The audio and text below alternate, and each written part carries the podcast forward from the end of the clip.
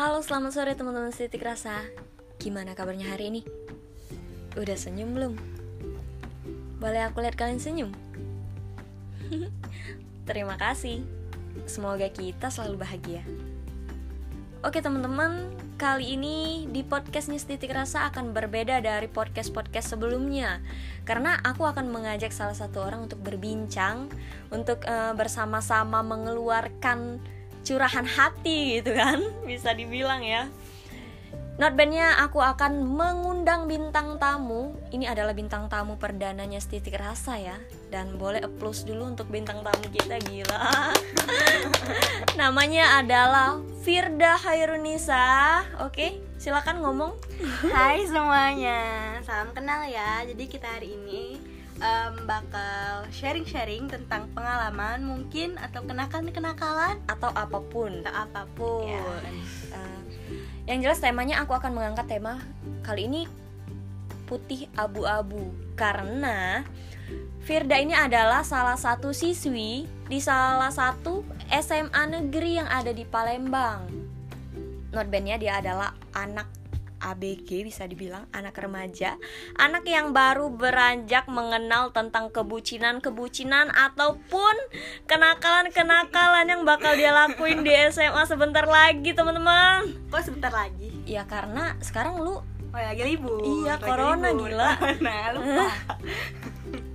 Oke, teman-teman, kalian pasti punya pengalaman kan? Pasti punya banyak pengalaman ketika di SMA masa-masa yang paling bahagia menurut gue. Uh, gimana sih menurut lu SMA? SMA adalah sekolah menengah atas. Iya, Ini iya, adalah uh, pendidikan nggak terakhir juga sih, belum terakhir. Menuju terakhir mungkin. Enggak, ini adalah jenjang jenjang terakhir dari sekolah yang wajib. Yang Ya, gitu kan? Gimana sih pengalaman lu selama di SMA? Ya SMA sih ya. Kalau di em, ngomongin tentang SMA ya SMA tuh kayak masa-masa yang asik gitu kan. Main sama temen-temen lah kenakalan-kenakalan lah. Eh, Emang tunggu tunggu, lu nakal gitu? enggak dong enggak nakal juga. Maksudnya kayak eh, apa ya? Ya main-main sama temen lah ya. Kayak waktu waktu buat kita mempelajari sesuatu yang baru yang kita belum tentu kita bisa pelajarin kalau kita masih Di- SMP masa-masa atau lain ya gitu ya? lain gitu kan jadi Oh. cuman di SMA doang kita bisa ngelakuin itu Salah satunya adalah salah satunya lu bucin ya? lu bucin waktu di SMA kan? ya, bucin sih lumayan lumayan bucin Aduh, kan banyak nih pasti kalau ingat SMA gitu, pasti ingat ketika masa kejayaan. Itu ada kalau menurut gue sendiri ya, SMA itu kan adalah masa kejayaan gue ketika gue seneng dengan sesuatu sampai gue tuh pernah kayak gini kayak gitu. Aduh, lu tau lah. contohnya gimana Enggak. dong kasih contoh Entar, dong. entar, entar. Kalau contoh ya, pasti kenakalan-kenakalan lah. Bukan kenakalan remaja yang bersifat kayak negatif ke arah yang ya kayak nakal asik-asik doang gitu nggak sih apa nakal asik gila asik kan nah gue sekarang gue tanya lu kenakalan apa sih yang pernah lu lakuin di SMA selama lu SMA nih apa sih yang suka menurut lu? Ya apa sih yang asik? Yang menurut lu udah nakal nih apa? Kalau kenakalan kenakalan sih kayak gue tuh kenakalan kenakalan yang kayak gue lakuin ya biasa aja paling nggak sampai minggat ya. Kayak paling pas jam pelajaran gue ke kantin doang. Udah gitu doang sih. ya ampun tunggu tunggu. Menurut lo itu adalah kenakalan? Iya itu kenakalan gue. Aduh gila lu. Tunggu tunggu. Menurut gue ya ke kantin ketika jam pelajaran itu adalah suatu hal yang sangat-sangat biasa gitu kan buat teman-teman. Apalagi Nah, eh, teman-teman yang suka malahan suka minggat gitu. Iya. Suka manjat pagar gitu kan. Suka pura-pura sakit padahal dia bolos gitu. Kan banyak tuh.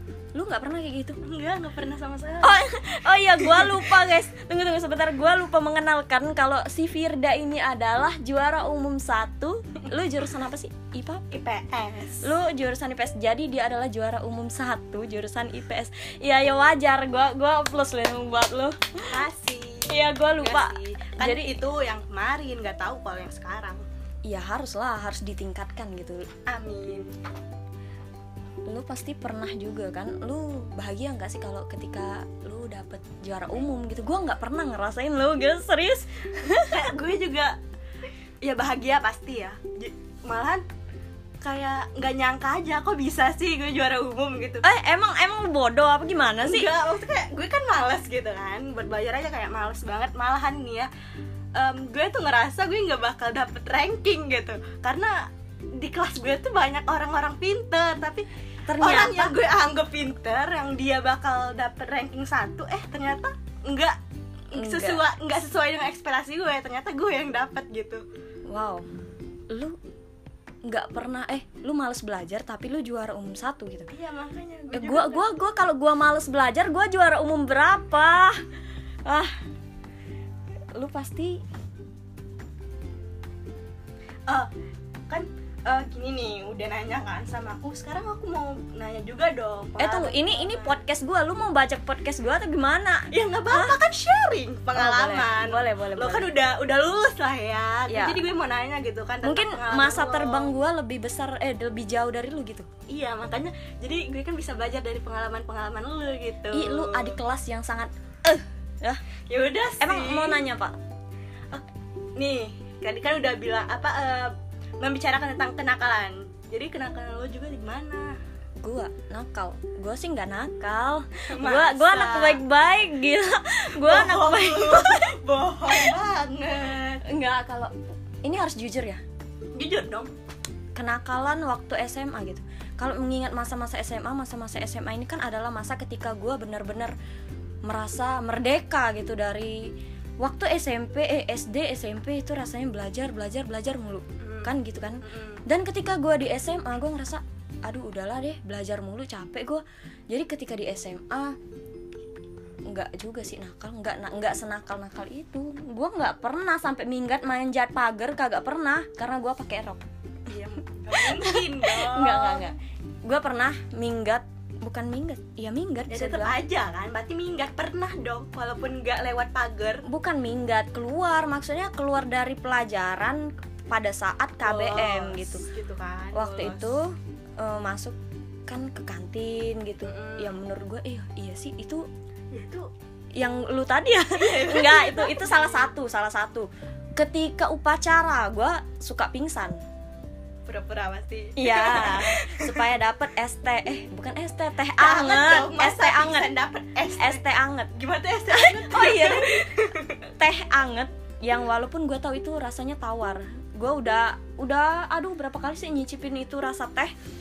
Udah gue juga pernah. Gue juga pernah ketika waktu itu tahun berapa ya yang waktu boomingnya film Dilan gitu 2018 mungkin ya 2018 enggak atau 2017? enggak lah enggak lah 17 enggak 17 ya antara itu lah ya udah Ya, skip 17. langsung apa Iya.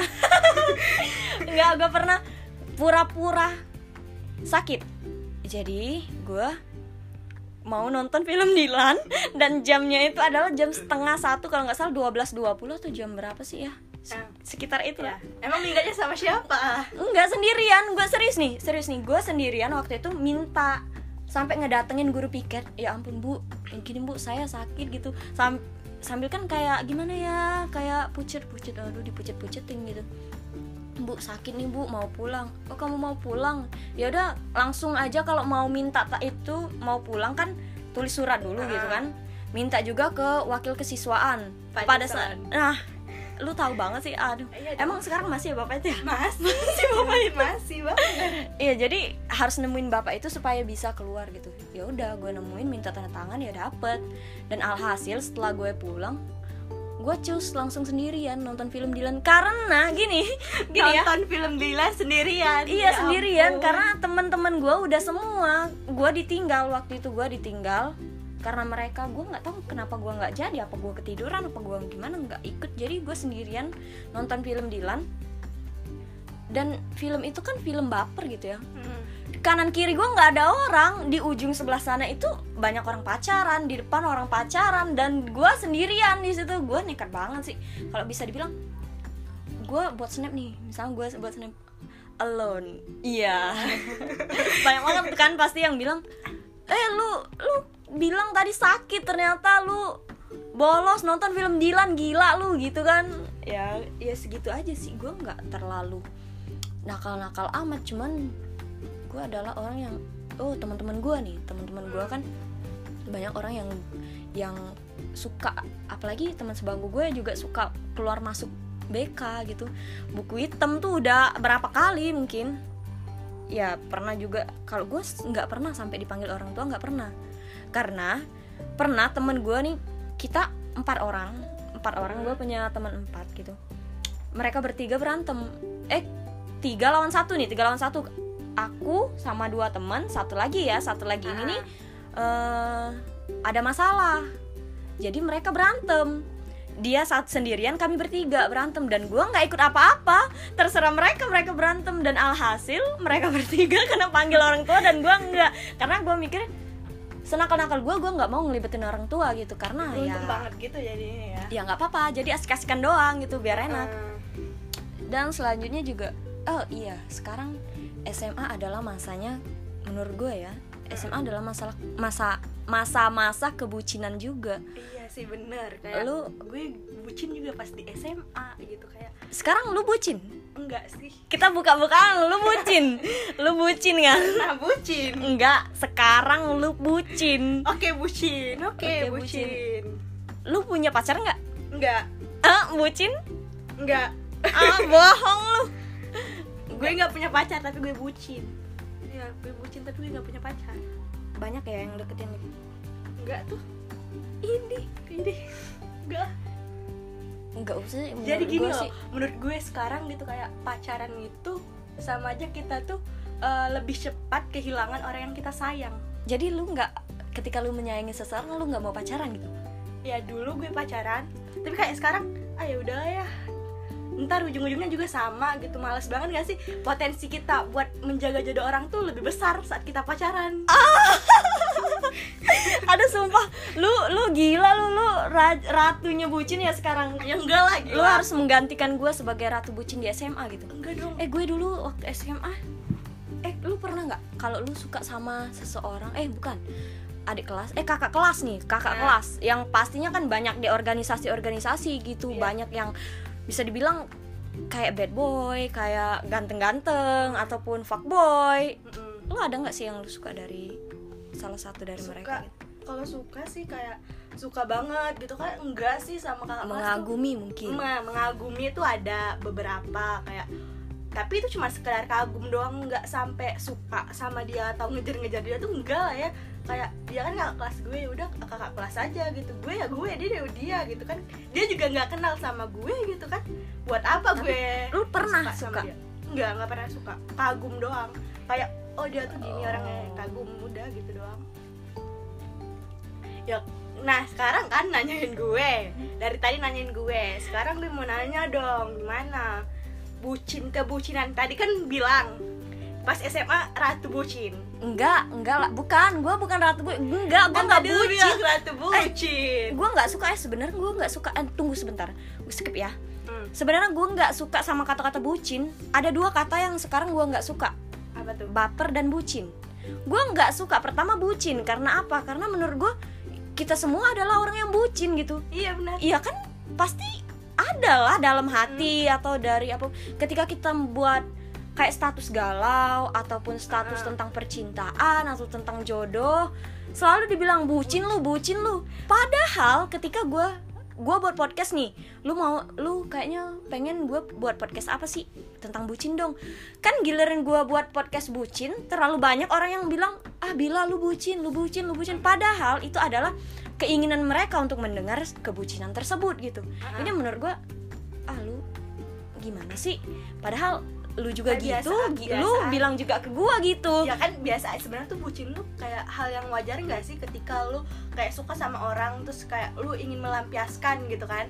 Ayo, dengan melam- apa sih maksud lo melampiaskan? Ya maksudnya bukan melampiaskan Mengung- dengan orang mengungkapkan, mengungkapkan perasaan dengan dengan ya membuat eh, Kode-kode gitu. kan. kode-kode gitu kan. Dan kedua baper. Gua nggak suka banget sama orang-orang yang suka bilang ah baper lu. Ini gue juga.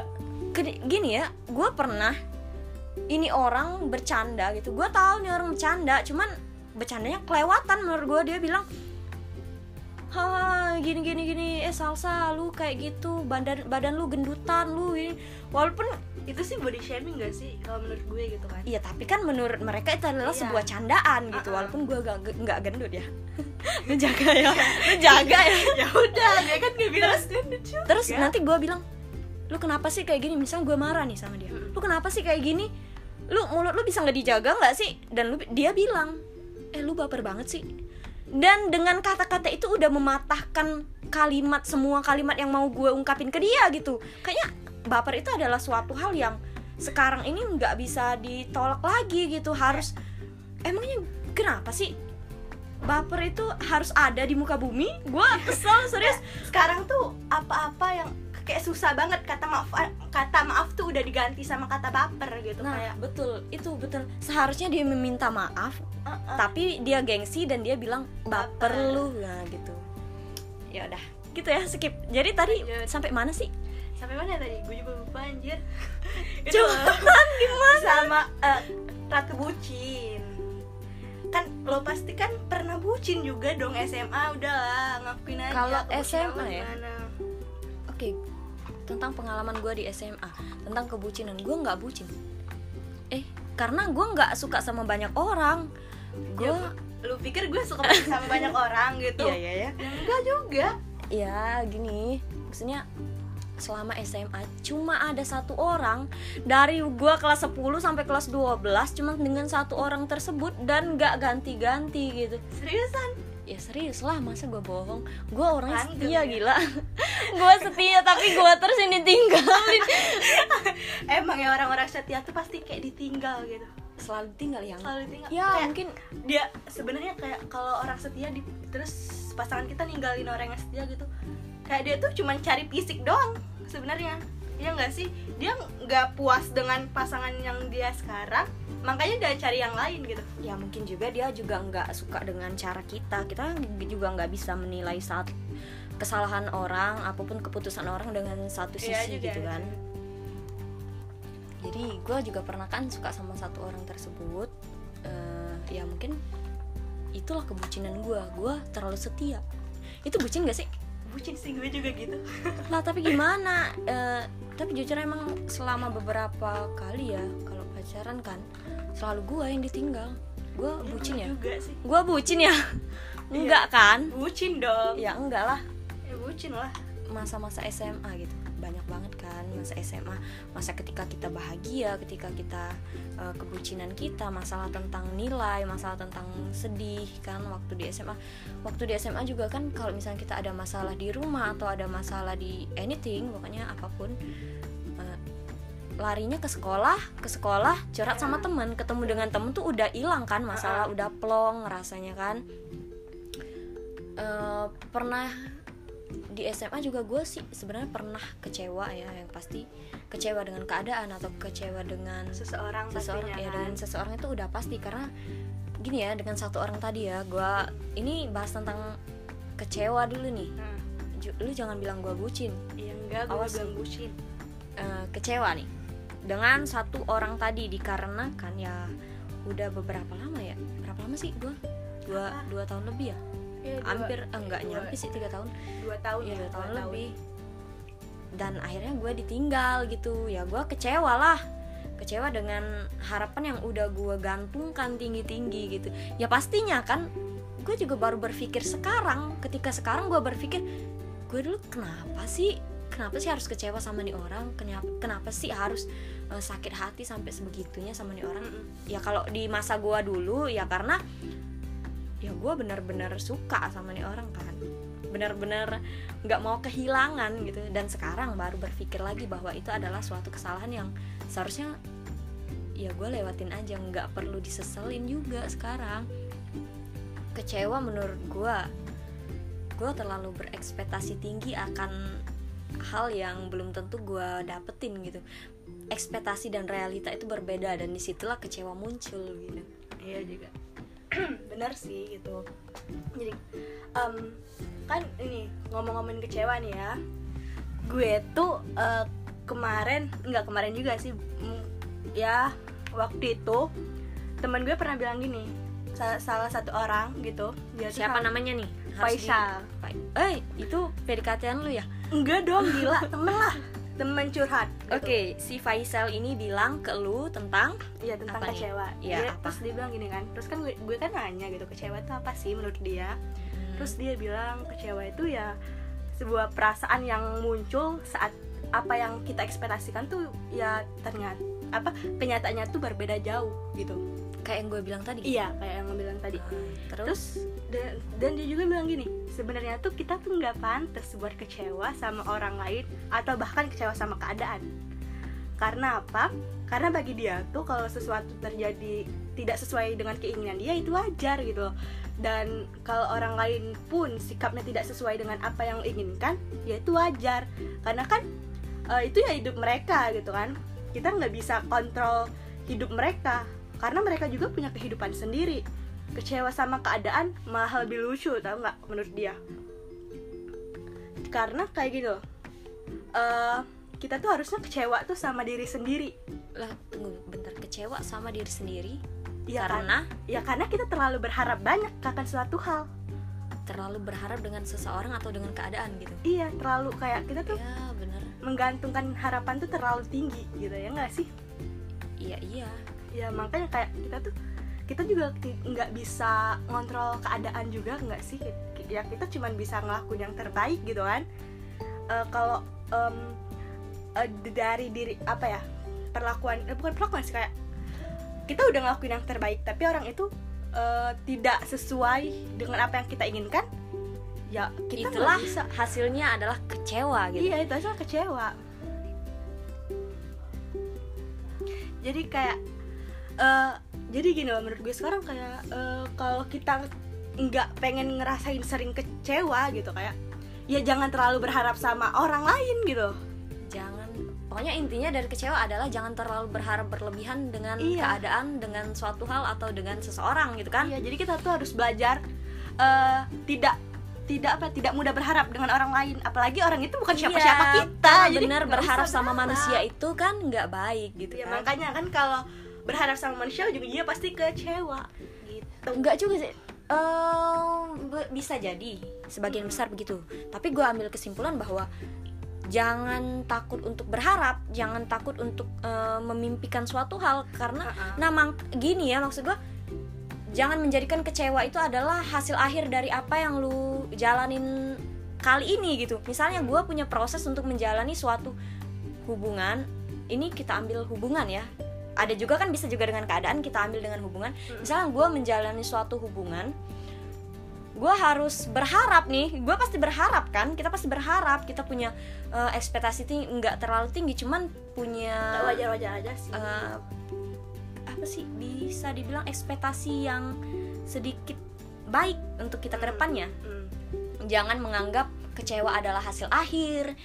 Kita juga harus positive thinking gitu. Dan ketika kita kecewa gini ya ketika sudah sampai di fasenya kecewa jangan langsung ngedown jangan langsung bilang ah Tuhan nggak adil sama gue gitu. Hmm. karena kita nggak bakal pernah tahu kecewa ini adalah eh, keadaan yang Tuhan kasih ke kita itu adalah hal yang paling baik untuk kita. Kita nggak akan pernah tahu karena Tuhan memberikan apa yang kita butuhkan bukan apa yang kita inginkan. Jadi sesimpel itu sih sebenarnya. Itu kayak menurut gue juga jadiin pelajaran aja nggak sih kecewa itu? Mungkin kayak Tuhan sekarang ngasih kita kecewa gitu kan? Karena mungkin ada planning yang lebih baik gitu dari Tuhan. Iya sih. Kayak sekarang kit- mungkin sekarang kita ngerasain kecewa belum tentu kan besok kita bakal ngerasain kecewa mungkin aja Tuhan bakal ngasih em, dari kebahagiaan. kecewa itulah adalah pelajaran untuk ke depannya maksud lo gitu ya gitu. Nah, gitu ya. Eh tunggu bentar ini dari putih abu-abu nyasar ke kecewa nih gimana sih ya ceritanya lu sih tadi nanyain kecewa. Ya enggak juga sih ya udah pokoknya apa pun yang terjadi ke depannya jangan pernah takut untuk kecewa gitu karena pasti ada hikmah dari semua kejadian gitu. Mm-mm. Untuk dari SMA dari putih abu-abu itu adalah masa yang paling menurut gue nggak bakal ya yang pasti udah nggak bakal pernah bisa diulang. Yang pasti juga adalah eh, masa yang paling asik. Gue asik juga SMA SMP asik SMA juga asik gitu. Tapi yang paling berkesan adalah ketika SMA apalagi di kelas 11 di kelas 11 gue punya junior dan gue punya senior. Dan senior gue sibuk dengan ujiannya. Jadi gue ngerasa dan di sinilah gue baru menjadi senior gitu. Bener nggak sih lu. Ketika kelas 11 itu lu bakal ngerasain lu pasti ngerasain gitu. Itu adalah kemerdekaannya SMA ketika gue kelas 11 menurut gue ya nggak tahu sih orang yang lain. Pokoknya nikmatin aja masa-masa SMA lu lu jangan menjadi orang yang nggak berguna jadi orang yang terlalu lu boleh sih nakal tapi jangan kelewatan. Ya jangan bucin boleh bucin tapi jangan kelewatan gitu doang sih. sih. Bucin boleh bodoh jangan ya nggak sih? Ya iyalah gila udah cukup sekian ya kayaknya. Kayaknya udah berapa menit sih kita podcast? 15 enggak deng. Udah berapa tuh? Eh, pokoknya menurut gue masa SMA itu cukup untuk dikenang nggak untuk kembali belajar dari kesalahan bukan untuk mengulang. Terima kasih Siti Firda Hairunisa. Terima kasih sudah mengundang saya di sini Semoga bisa bertemu lagi di lain kesempatan. Terima kasih untuk sharing-sharingnya. Semoga bisa menginspirasi buat teman-teman semua yang jadi pendengar ini. Terima kasih banyak udah men- mendengarkan podcast kali ini. Insya Allah selan- selanjutnya akan ada bintang tamu-bintang tamu yang lain. Terima kasih. Sampai jumpa di episode selanjutnya. Bye. Bye.